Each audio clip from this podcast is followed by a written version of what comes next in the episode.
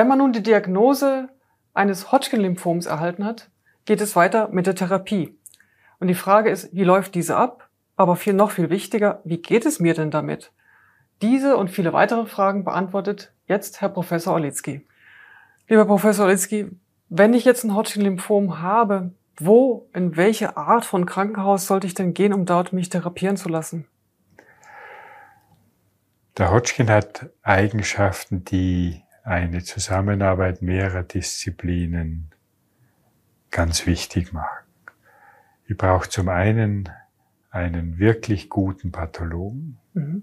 der mit Präzision die Erkrankung charakterisiert. Ich brauche zum Zweiten Hämato-Onkologen, die die Therapie sicher durchführen können. Ich brauche zum Dritten Menschen, die sich gerade mit den Problemen junger Patienten gut auseinandersetzen können, wie Erhaltung der Fruchtbarkeit, mhm. Vermeidung von Spätschäden in der Nachbetreuung. Und ich brauche zum vierten Strahlentherapeuten, die alles bestrahlen, was bestrahlt werden muss, aber nichts bestrahlen, was nicht bestrahlt werden muss. Mhm.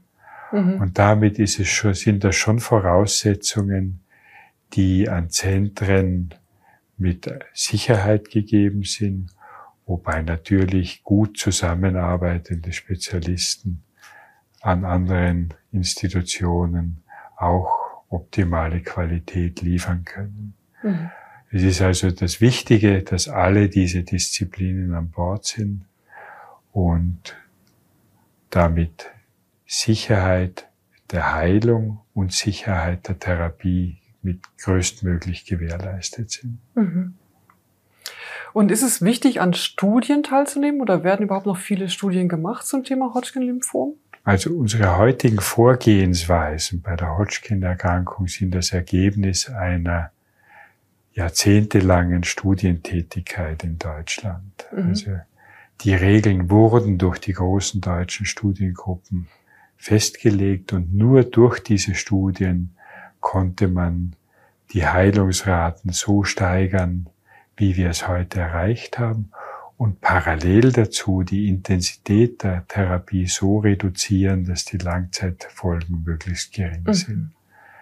Diese Studien laufen immer noch, sind aber natürlich durch die strengeren arzneimittelrechtlichen Rahmenbedingungen, die heute existieren, etwas erschwert, so dass zurzeit nicht für alle Stadien eine solche Registerstudie mhm. äh, zur Verfügung steht. Mhm. Wollen wir vielleicht dann wirklich mal darauf eingehen, wie die Therapie funktioniert? Aber vielleicht auch da nochmal vorab zu sagen, die Heilungschancen sind sehr gut. Es gibt kein Stadium beim Hodgkin-Lymphom, wo die Heilungsrate unter 80 Prozent ist. Mhm. Das heißt, in allen Stadien macht man den überwiegenden Teil der betroffenen Patienten gesund. Weil aber es junge Menschen sind, die betroffen sind, ist es notwendig, dieses Ziel mit so wenig wie möglich Behandlung zu erreichen, mhm. weil natürlich, wenn jemand noch 70 Jahre mit Langzeitfolgen einer Therapie leben muss, müssen diese Langzeitfolgen so gering wie möglich gehalten werden. Mhm.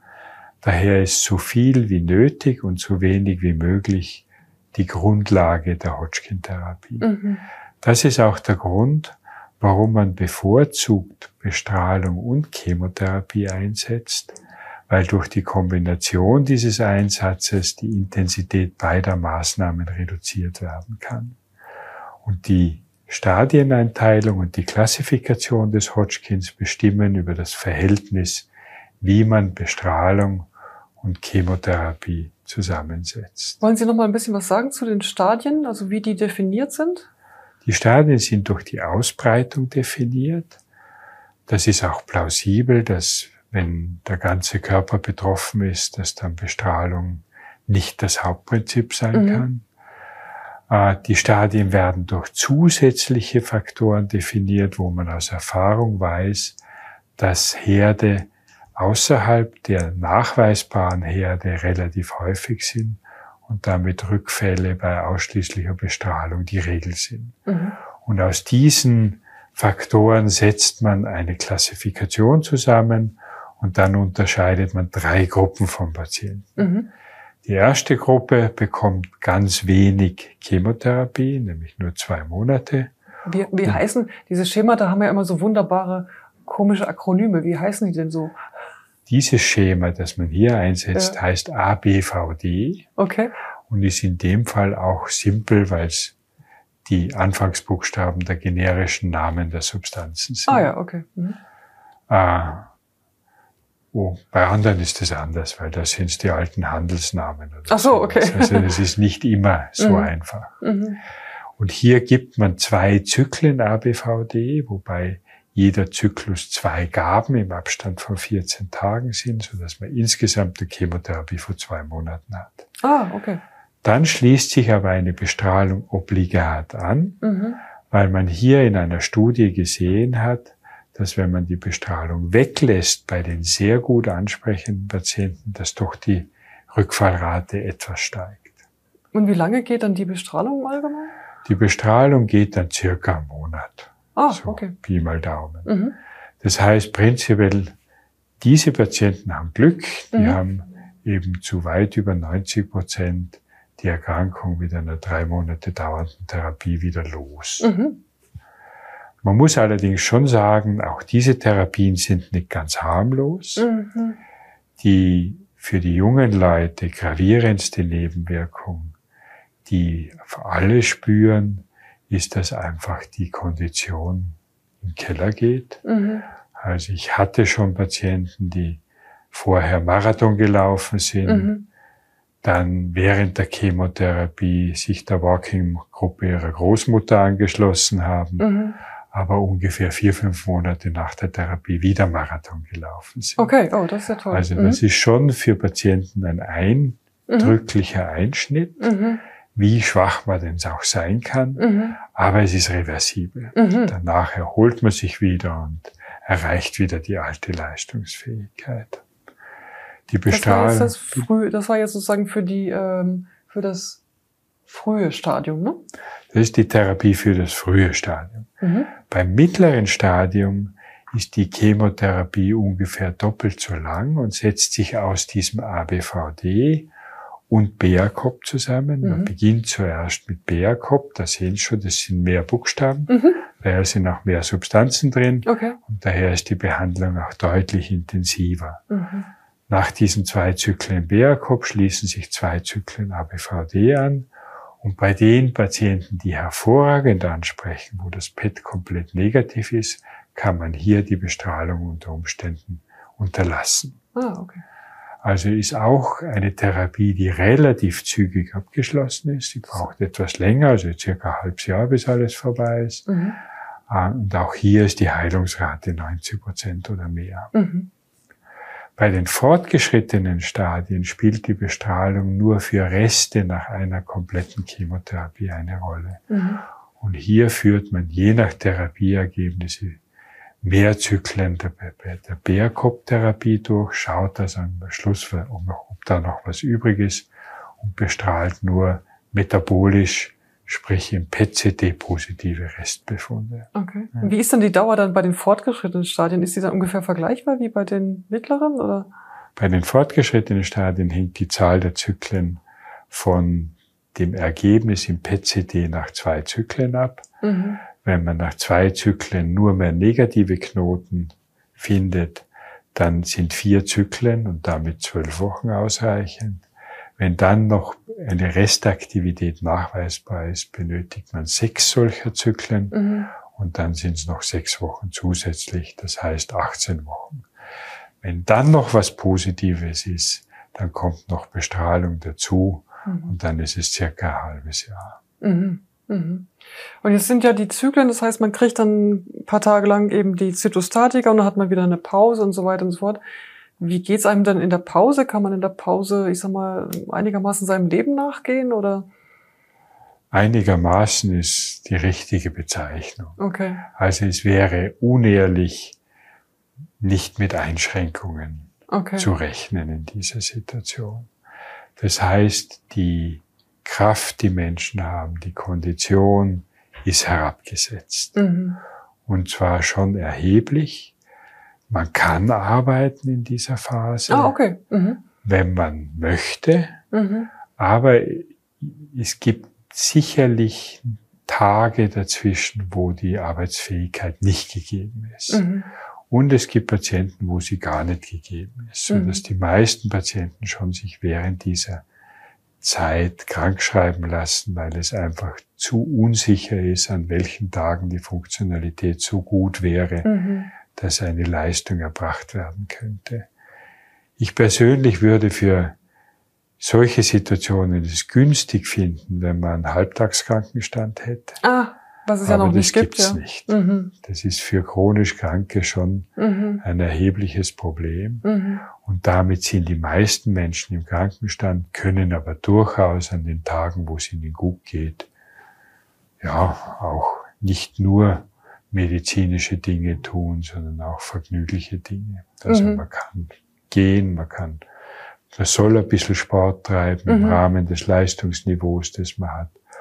Und es gibt Tage, wo man sich sicher auch richtig wohlfühlt. Und ist das Immunsystem dann einigermaßen fit oder muss man dann sehr große Angst haben vor Infektionen? Es ist nie komplett fit, Okay. aber es ist die meiste Zeit so fit, dass man jetzt nicht vor Kontakt mit gesunden Menschen Mhm. Sorgen haben muss. Mhm.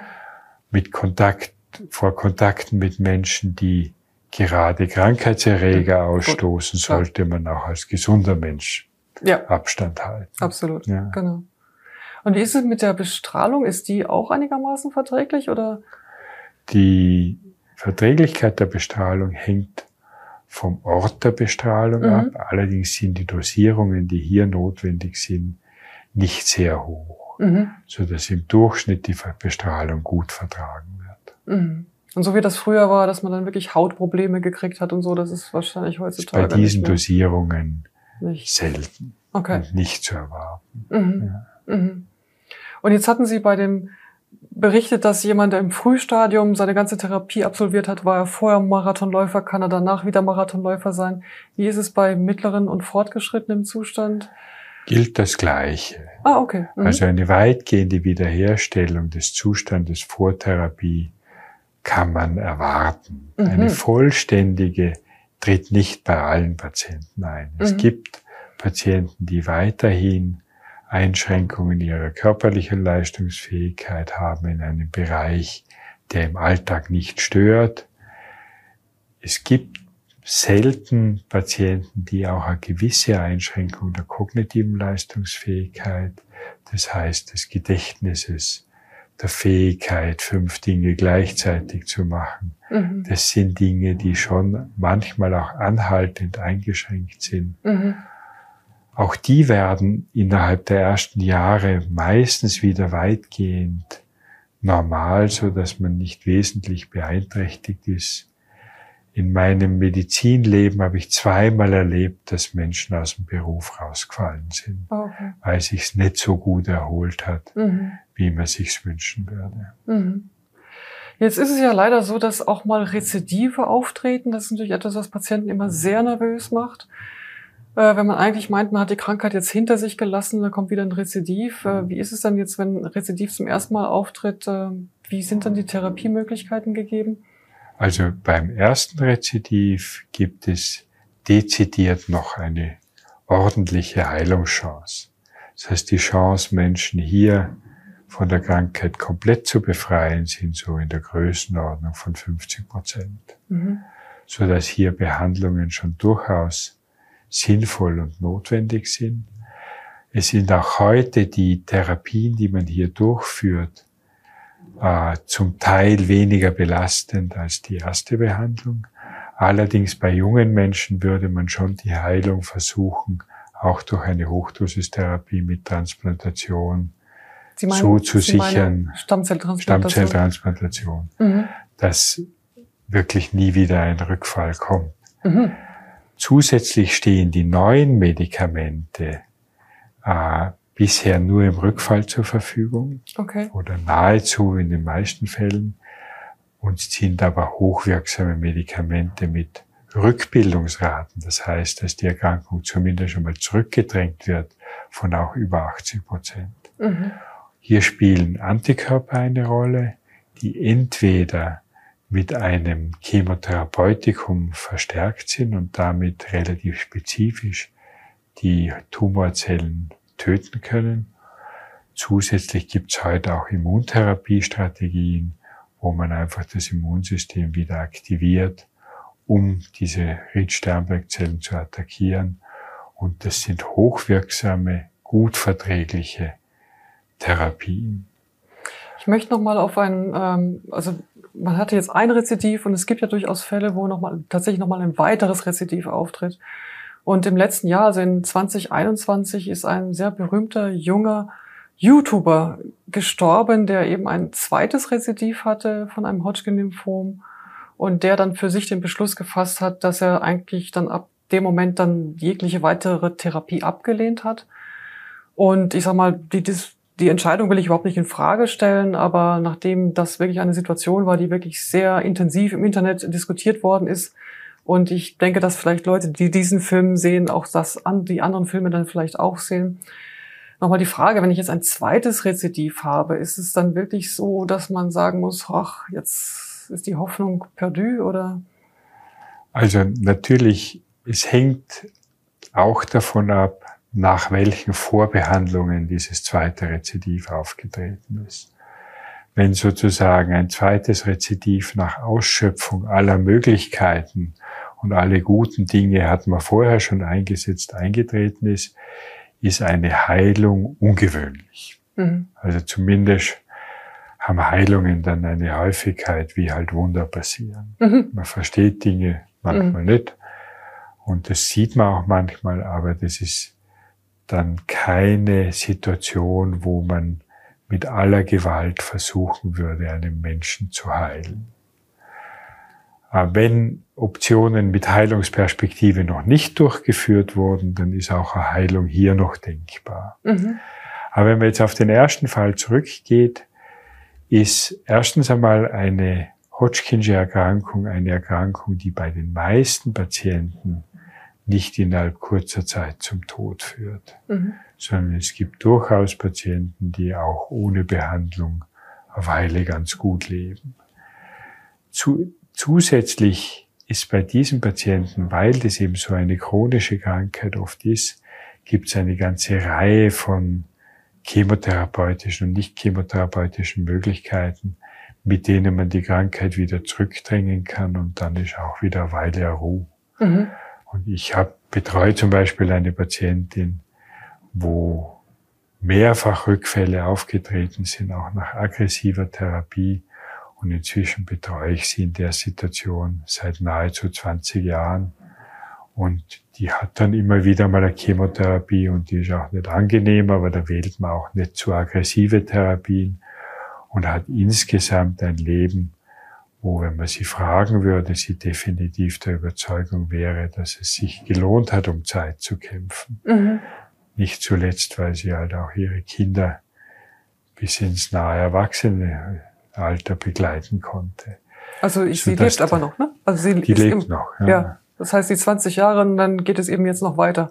Genau. Das heißt, hier, es gibt Patienten, die dran sterben, ja. natürlich, aber die Vorstellung, dass man durch Unterlassung von Therapie jetzt sein Ende sehr rasch beschleunigen könnte, ist meistens nicht realistisch und die Menschen leben mit Therapie im Durchschnitt deutlich besser, mhm. als wenn man die Therapie unterlässt. Insofern deckt sich hier der Kampf um Zeit auch mit dem Kampf um Lebensqualität. Mhm. Und daher würden wir von unserer Warte aus jedenfalls nicht grundsätzlich die Unterlassung von Therapie unseren Patienten empfehlen. Mhm.